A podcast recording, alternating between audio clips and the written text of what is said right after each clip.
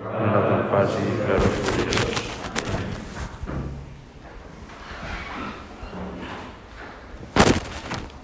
Pel senyal de la Santa Creu dels nostres enemics, de Girona, Senyor Déu nostre, en nom del Pare, del Fill, de l'Esperit Sant. Amén. Senyor meu i Déu meu, dret fermament que sou aquí, que em veieu, que m'escolteu, us adoro amb profunda reverència. Us demano perdó dels meus pecats i gràcia per fer en fruit aquesta estona d'oració. Mare meva Immaculada, Sant Josep, Pare i Senyor meu, àngel de la meva guarda, intercediu per mi.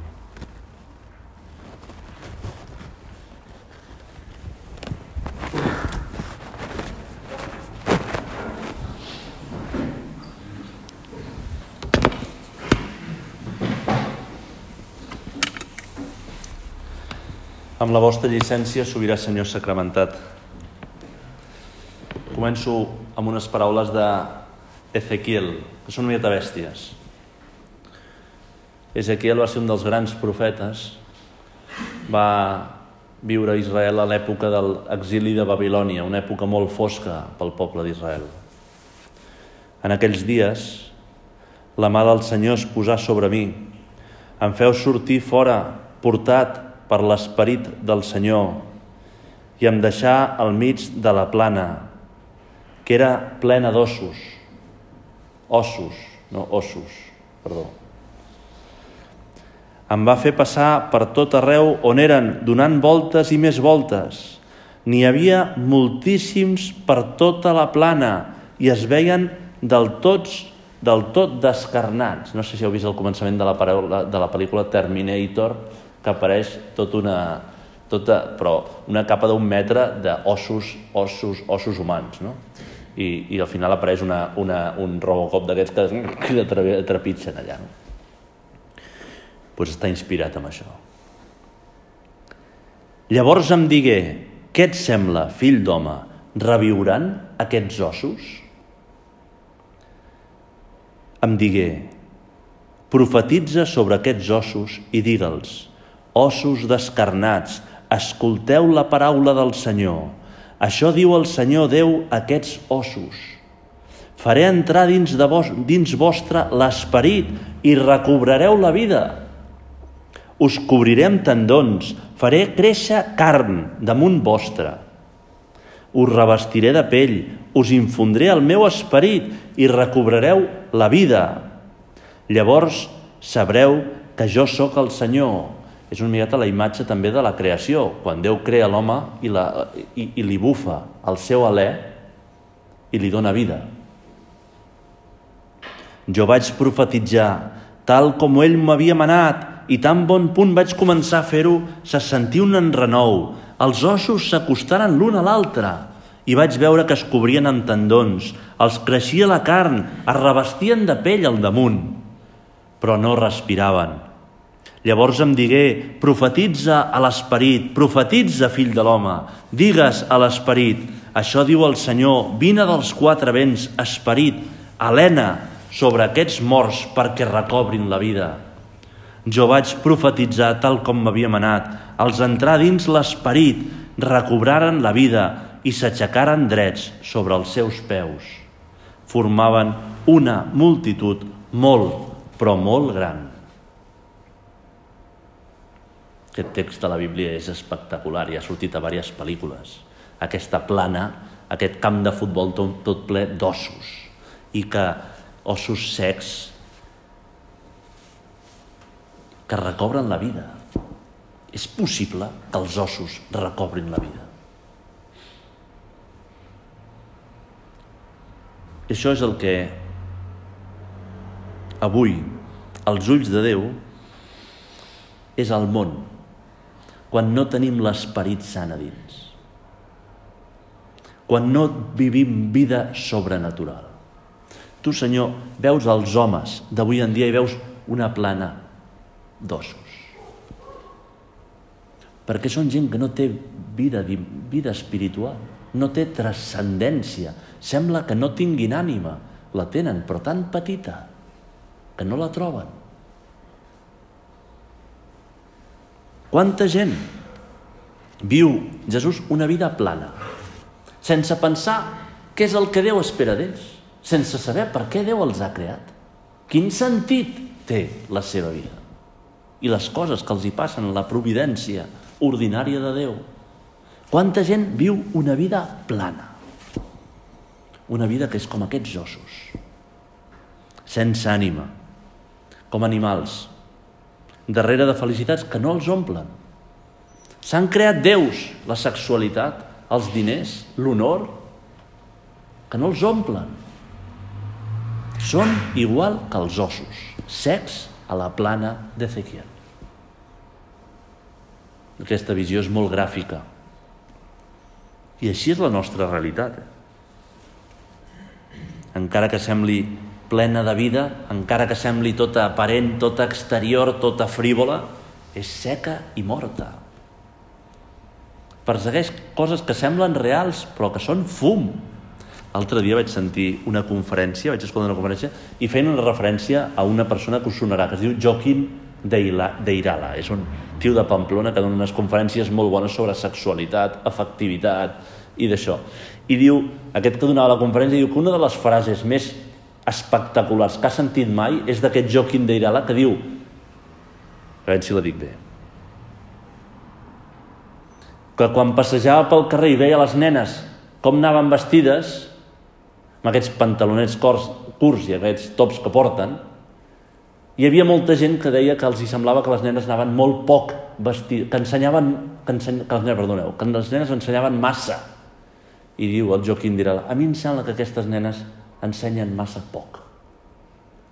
I el que comentava aquesta conferència diu, clar, ensenyen només lo exterior, que els hi sembla que és el més important, però el més important és l'ànima. I com que ensenyen l'exterior no són capaços de donar-se de que tenen vida transcendent, de que són certs intel·ligents, de que, de que pensen, de que, són, de que estimen, de que tenen amor, de que tenen finalitat més grans. I per això deia aquesta frase que es diu, a mi em sembla una frase brillant, aquestes nenes ensenyen molt, diu no, a mi em sembla que ensenyen poc. Perquè ensenyen una cosa que no val res, és os, és matèria, és pura sensualitat. I nosaltres som fills de Déu. I ens han creat per coses molt més grans. Ens acostem a la festa de Pentecosta. El gran desconegut, la tercera persona de la Santíssima Trinitat. I li diem el gran desconegut perquè el tractem poc. El tractem poc no ens n'adonem de la seva força, cada cop menys perquè la societat perd profunditat, perd transcendència. Són ossos secs que sembla que no puguin viure. I quan no hi ha transcendència, quan no hi ha vida interior, no hi ha vida en l'Esperit Sant, no hi ha escola de l'Esperit Sant que ens fa semblants a Déu Fill. Aquest diumenge llegirem la transformació que els apòstols sofreixen o que els apòstols eh, experimenten el dia de Pentecosta. El diumenge passat, l'ascensió, els apòstols veuen pujar amb alegria i amb tristesa Déu al cel. Aneu al món sencer a predicar l'Evangeli. I van i es tanquen. No van al món sencer, es tanquen plens de por.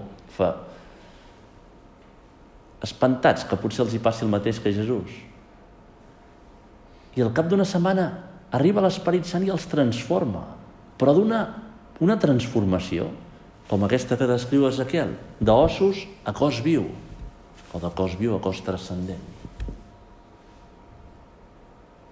Una transformació espectacular. I tot és obra de l'Esperit Sant. Diví hoste de l'ànima, que dona vida. Nosaltres, en aquesta estona d'oració, amb la gran sort d'estar davant de Jesús sacramentat. Podem parlar amb l'Esperit Sant, que és persona.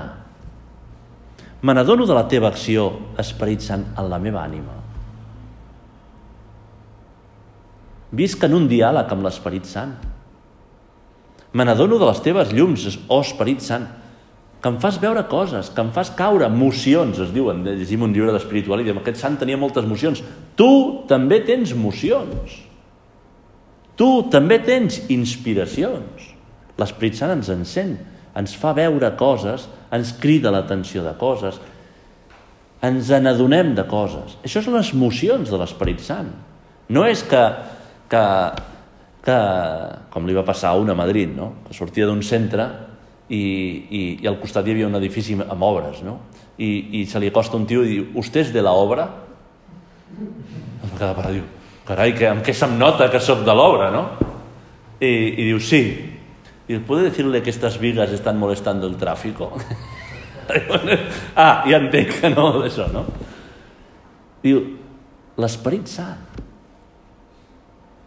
Me n'adono de l'acció de, de l'Esperit Sant. Soc conscient de la teva presència, que em fa fill de Déu. Ho llegim als cercles, eh?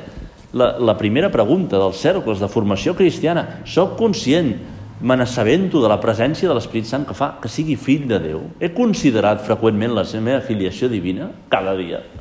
Soc conscient. Intento buscar maneres de mirar Déu Pare. Això és la gràcia de l'Esperit Sant en la meva ànima. Sé escoltar la teva veu en les inspiracions, petites llums, adonar-me de les coses en el meu pensament.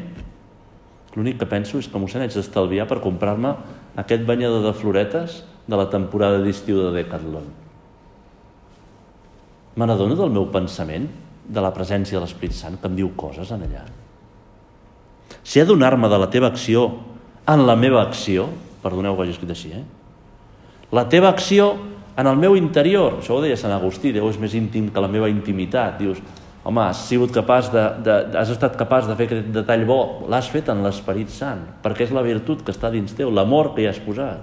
Això ho diu molt bé Sant Pau, quan diu, no podeu dir el nom de Déu si no us l'inspira l'Esperit Sant en el vostre cor. Me n'adono de l'acció de l'Esperit Sant en les meves accions. La seva acció en les meves accions. Gràcies, Déu meu, per fer-me capaç de venir avui a la meditació. Gràcies, Esperit Sant, per fer-me capaç de rectificar a casa. Gràcies, Esperit Sant, per fer-me capaç de somriure, de no queixar-me de la calor. L'acció de l'Esperit Sant en les meves accions. Això són una força interior que em fa capaç de fer coses, com els músculs i els tendons i la pell que creixien en aquests ossos. Creus que són capaços de viure aquests ossos assequiant? És la pregunta que ens fa Jesús a tu o a mi. Creus que és capaç de tenir vida amb l'Esperit Sant? Creus que ets capaç de transcendir i, i viure una vida espectacular? T'has de quedar amb les petites coses. Fa uns dies, donant una catequesis a nens petits, parlant, em va sorprendre una cosa, perquè em va parar un nen petit i em va dir, vaig parlava de Jesús, de Déu Pare, de l'Esperit Sant, i el nen petit em va dir, però mossèn, Jesús no és persona. I dic, què vols dir que no és persona? Em vaig quedar com bloquejat. Què vols dir que no és persona? És que no és persona, que no el podem veure, que no el podem tocar, no és persona. I bueno, ser persona no, no cal veure-li tocar-lo, pot ser persona sense veure-li tocar-lo, no depèn de la materialitat, depèn del cert. Si tens el cert és persona. Déu àngel de la guarda és persona, no sé, nosaltres som persona, Déu pare és persona, Déu fill és persona i Déu Espírit Sant és persona. I per això podem parlar amb Déu Pare, podem parlar amb Déu Fill, podem parlar amb Déu Esprit Sant.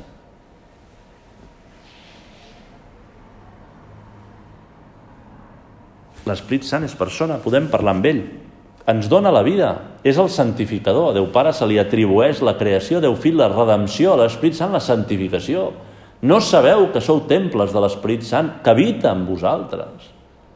És Déu, la intimitat de Déu, el cor de Déu, que està dins meu. Tu, Senyor, m'has donat el més gran que tenies, el teu cor, el teu amor. Ho has posat a dins meu. No amb un sagrari recobert d'or, sinó en la meva materialitat i amb la meva mundanitat i amb la meva debilitat. Aquí hagués el sagrari on t'ha posat Déu l'Esprit Sant perquè siguis fill de Déu. Tot tu, eh?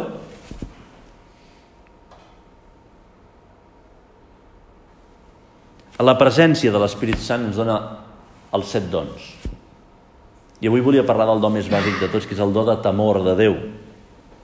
És el primer de tots, és el més bàsic. Després ve la pietat, després ja ve la ciència, la saviesa, la fortalesa. El més bàsic, el primer de tots, és el temor de Déu. Hi ha pors i pors. Pors mundanes de coses que podem perdre, i això ens fa sentir una, i això ens dona un sentit de la realitat. perquè si no tinguéssim aquest sentit de la realitat és com una, una, un membre que no té sensibilitat doncs el punxes i no ho sent, no? Doncs la por ens fa que tinguem sentit de la realitat, perquè podem perdre coses. Però, encara que tingui un sentit bo, aquest, aquesta por no és la del temor de Déu. No és una por de perdre una cosa. Tampoc és el temor d'estar davant d'ell i que ens pugui castigar, com la, el temor d'un ratolí davant d'un elefant, o el, al revés, no? no sé qui és el que té por d'aquí, no? O el temor d'un home davant d'un mosquit, ara estan venint els mosquits, no? No és el temor d'una persona que et pugui aniquilar, no? No és el temor d'una persona que et pugui castigar. Aquest no és el temor de Déu. Hi ha molta gent que viu així amb aquest temor, eh? i veu els manaments d'aquesta manera i dius, però tu no has entès res de Déu. No has entès res d'un Déu que pateix per tu i mor a la creu per tu. No has entès res d'un Déu que t'estima fins a donar-te ell mateix el seu cor al teu interior. No és aquest el temor de Déu, del càstig de les penes de l'infern. És un temor filial. És el do de conèixer el nostre veritable perill, que és el perill de fer coses dolentes. És el temor filial del fill pròdig que se'n va de la casa del pare. És el temor filial de la persona que se n'adona del que perdrà si s'allunya. De tancar-nos en nosaltres, en el nostre egoisme. Sempre tenim com aquests dos camins. Faig les coses de Déu, faig les meves coses. Em deixo portar pel que em fa gran i em fa amor de Déu o, o, o tant com el meu egoisme, amb les meves comoditats, amb les meves compensacions. Aquest és el temor de Déu, el temor a arruïnar les coses boniques que Déu ha fet i que vol fer en nosaltres. I aquest sant temor de Déu ens dona separació del pecat, ens fa veure el que és realment greu, ens fa veure la vida amb aquesta transcendència de ser fills de Déu, dels ossos que tenen carn i viuen, del do de transcendència, el do de de saber que som fills de Déu, estem davant del Senyor. Dona un sentit de la realitat. Diuen els entesos que per això el do de temor de Déu és contrari a la gola, perquè la gola busca omplir-se de capricis i en canvi la, el do de temor de Déu et fa viure el que realment t'omple. En canvi, els que viuen seguint la gola que viuen seguint els, els capricis, viuen apagats, viuen de compensacions. Això ens passa, eh? quan a vegades busquem vies d'escape, i per aquí entra molta vegada la tentació d'impuresa, de, de compensacions, perquè és que he tingut una vida molt, molt dura. Això és una, una visió de, no des del temor de Déu, la filiació, sinó és una visió des de l'egoisme, la compensació. L'Esperit Sant per això amb el do de temor de Déu ens dona sentit de les coses, la veritat de les coses ens ajuda a veure la seva fragilitat. La, les coses es poden trencar, les coses es poden esmicular, es poden perdre. I per això ens ajuda a viure atents. Compte que és un tresor que porteu en vasos de barro. Compte que és una cosa molt preciosa el que Déu us ha donat. I llavors vivim pendents. I si ho pensem una mica, ens podem adonar que falta molt aquest sentit de filial, de temor adonar-nos de la nostra veritat, del perill d'allunyar-nos de Déu, del perill de les compensacions, de viure com ossos secs. El món d'avui va molt per aquí. Ha perdut molt el sentit de Déu. Amb el diàleg amb les persones, tota la, la, la seva conversa no, no surt Déu, no surt la transcendència, no surt. És un tros de carn que menja, Ens falta el tracte amb l'Esperit Sant per rebre el do de saber-nos situar davant de Déu, saber-nos reconèixer com a fills de Déu, saber descobrir com ens afecta la pèrdua de la gràcia quan fem un pecat mortal, o com ens afecta viure en la taviesa, en la mediocritat, d'estimar Déu no amb tot el cor, sinó a mitges, buscant compensacions. El temor de Déu ens ajuda en, en això. És com el primer efecte, el do més bàsic. Havia pensat un exemple de la Santa Missa per entendre una miqueta l'acció de l'Esperit Sant. A la Santa Missa hi ha un moment en què s'invoca l'Esperit Sant, just es posa les mans damunt les ofrenes, la gent s'agenolla, la majoria, Perquè en aquell moment el sacerdot, que és Crist, està demanant a Déu Pare que enviï l'Esperit Sant, perquè transformi aquell tros de pa en el cos de Crist. Canvi l'ésser, recreï, torni a crear. Canvi la naturalesa de les coses. Faci un miracle estratosfèric de convertir el pa, transubstanciar-lo en el cos de Crist. La sang, l'ànima, la divinitat. Persona de Jesús. Un tros de pa. I per això demana l'acció la, la, la, de l'Esperit Sant posant la mà, la, la, la mà damunt les ofrenes. Recorda una miqueta l'escena de l'Anunciació, quan l'arcàngel Gabriel li diu a la, a la Mare de Déu l'Esperit Sant et cobrirà amb la seva ombra. I és el que el sacerdot fa sobre les ofrenes.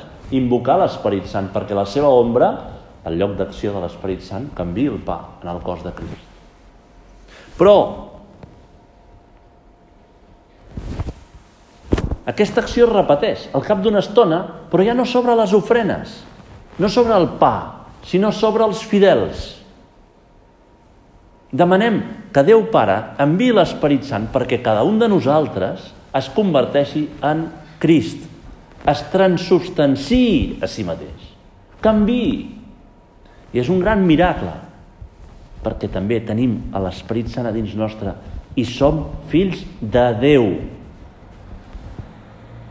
I és la invocació a l'Esperit Sant sobre les persones que assisteixen a la missa. I aquesta és l'acció de l'Esperit Sant. Que esdevinguem, arribem a ser fills de Déu. És una acció que es va perf perfeccionant. Esdevinguem, arribem a ser un altre Crist. No estarà tan clara, no és tan, fàcil de localitzar com aquesta, perquè ens posem de genolls i dius, ara! Perquè no ens posem de genolls quan demanem que vingui l'Esperit Sant sobre els fidels perquè esdevinguin Crist. Però si estem una mica temps i torna i escoltem, sentirem que es parla.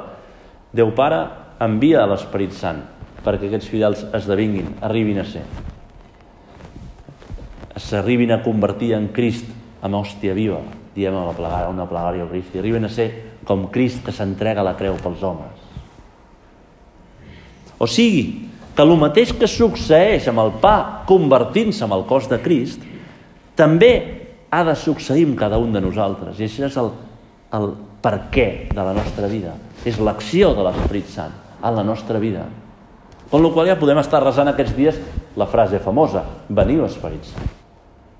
Que és l'ejaculatòria per excel·lència, no? Veniu Esperit Sant. Cada vegada que em descobreixi Jesús que sóc com un os mundà, que tinc objectius i pensaments materials mundans, plans, vine Esperit Sant. Dóna'm vida, Fes que camini, fes que visqui, fes que disfruti de la vida, fes que sigui fill de Déu. Cada vegada més, fins a convertir-me en el fill de Déu, en majúscules, en Jesucrist. Veniu, Esperit Sant. Aquesta és l'acció de l'Esperit Sant. I és molt forta. I és molt gran. És un miracle. I està dins de nosaltres. A vegades hi ha gent que va a aquestes reunions de carismàtics que el mossèn et posa les mans a sobre i et causa terra. I diuen, home, aquí sí que hi ha l'Esprit Sant. L'Esprit Sant està en cada batec del teu cor, en cada petit acte d'amor. És molt més gran l'acció de l'Esprit Sant, precisament perquè està amagada i no és evident exteriorment, és molt més gran. És molt més el llenguatge de Déu. Som temples de l'Esprit Sant. Així és l'acció de l'Esprit Sant. I això és el que ens perdem quan no sabem reconèixer-la. I això és el que ens perdem quan no entrem en diàleg, quan no tenim vida interior acabem mirant a la Mare de Déu. Fixeu-vos, ella se li diu l'esposa de Déu a l'Esperit Sant per la intimitat amb l'Esperit Sant, per la docilitat a l'Esperit Sant, per el diàleg de l'Esperit Sant, per estar a l'escola de l'Esperit Sant. Com si fos un mestre, l'Esperit Sant li anava dient vés a visitar la seva cosina Elisabet i va. Ara te'n vas a Betlem i saps trobar la voluntat de Déu aquí.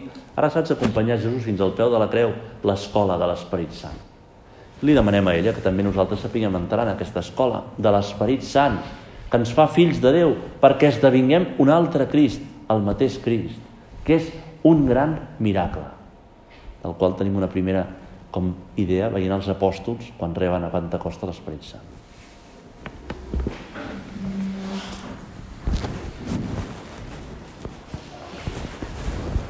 dono gràcies, Déu meu, pels bons propòsits, efectes i inspiracions que m'heu comunicat en aquesta meditació.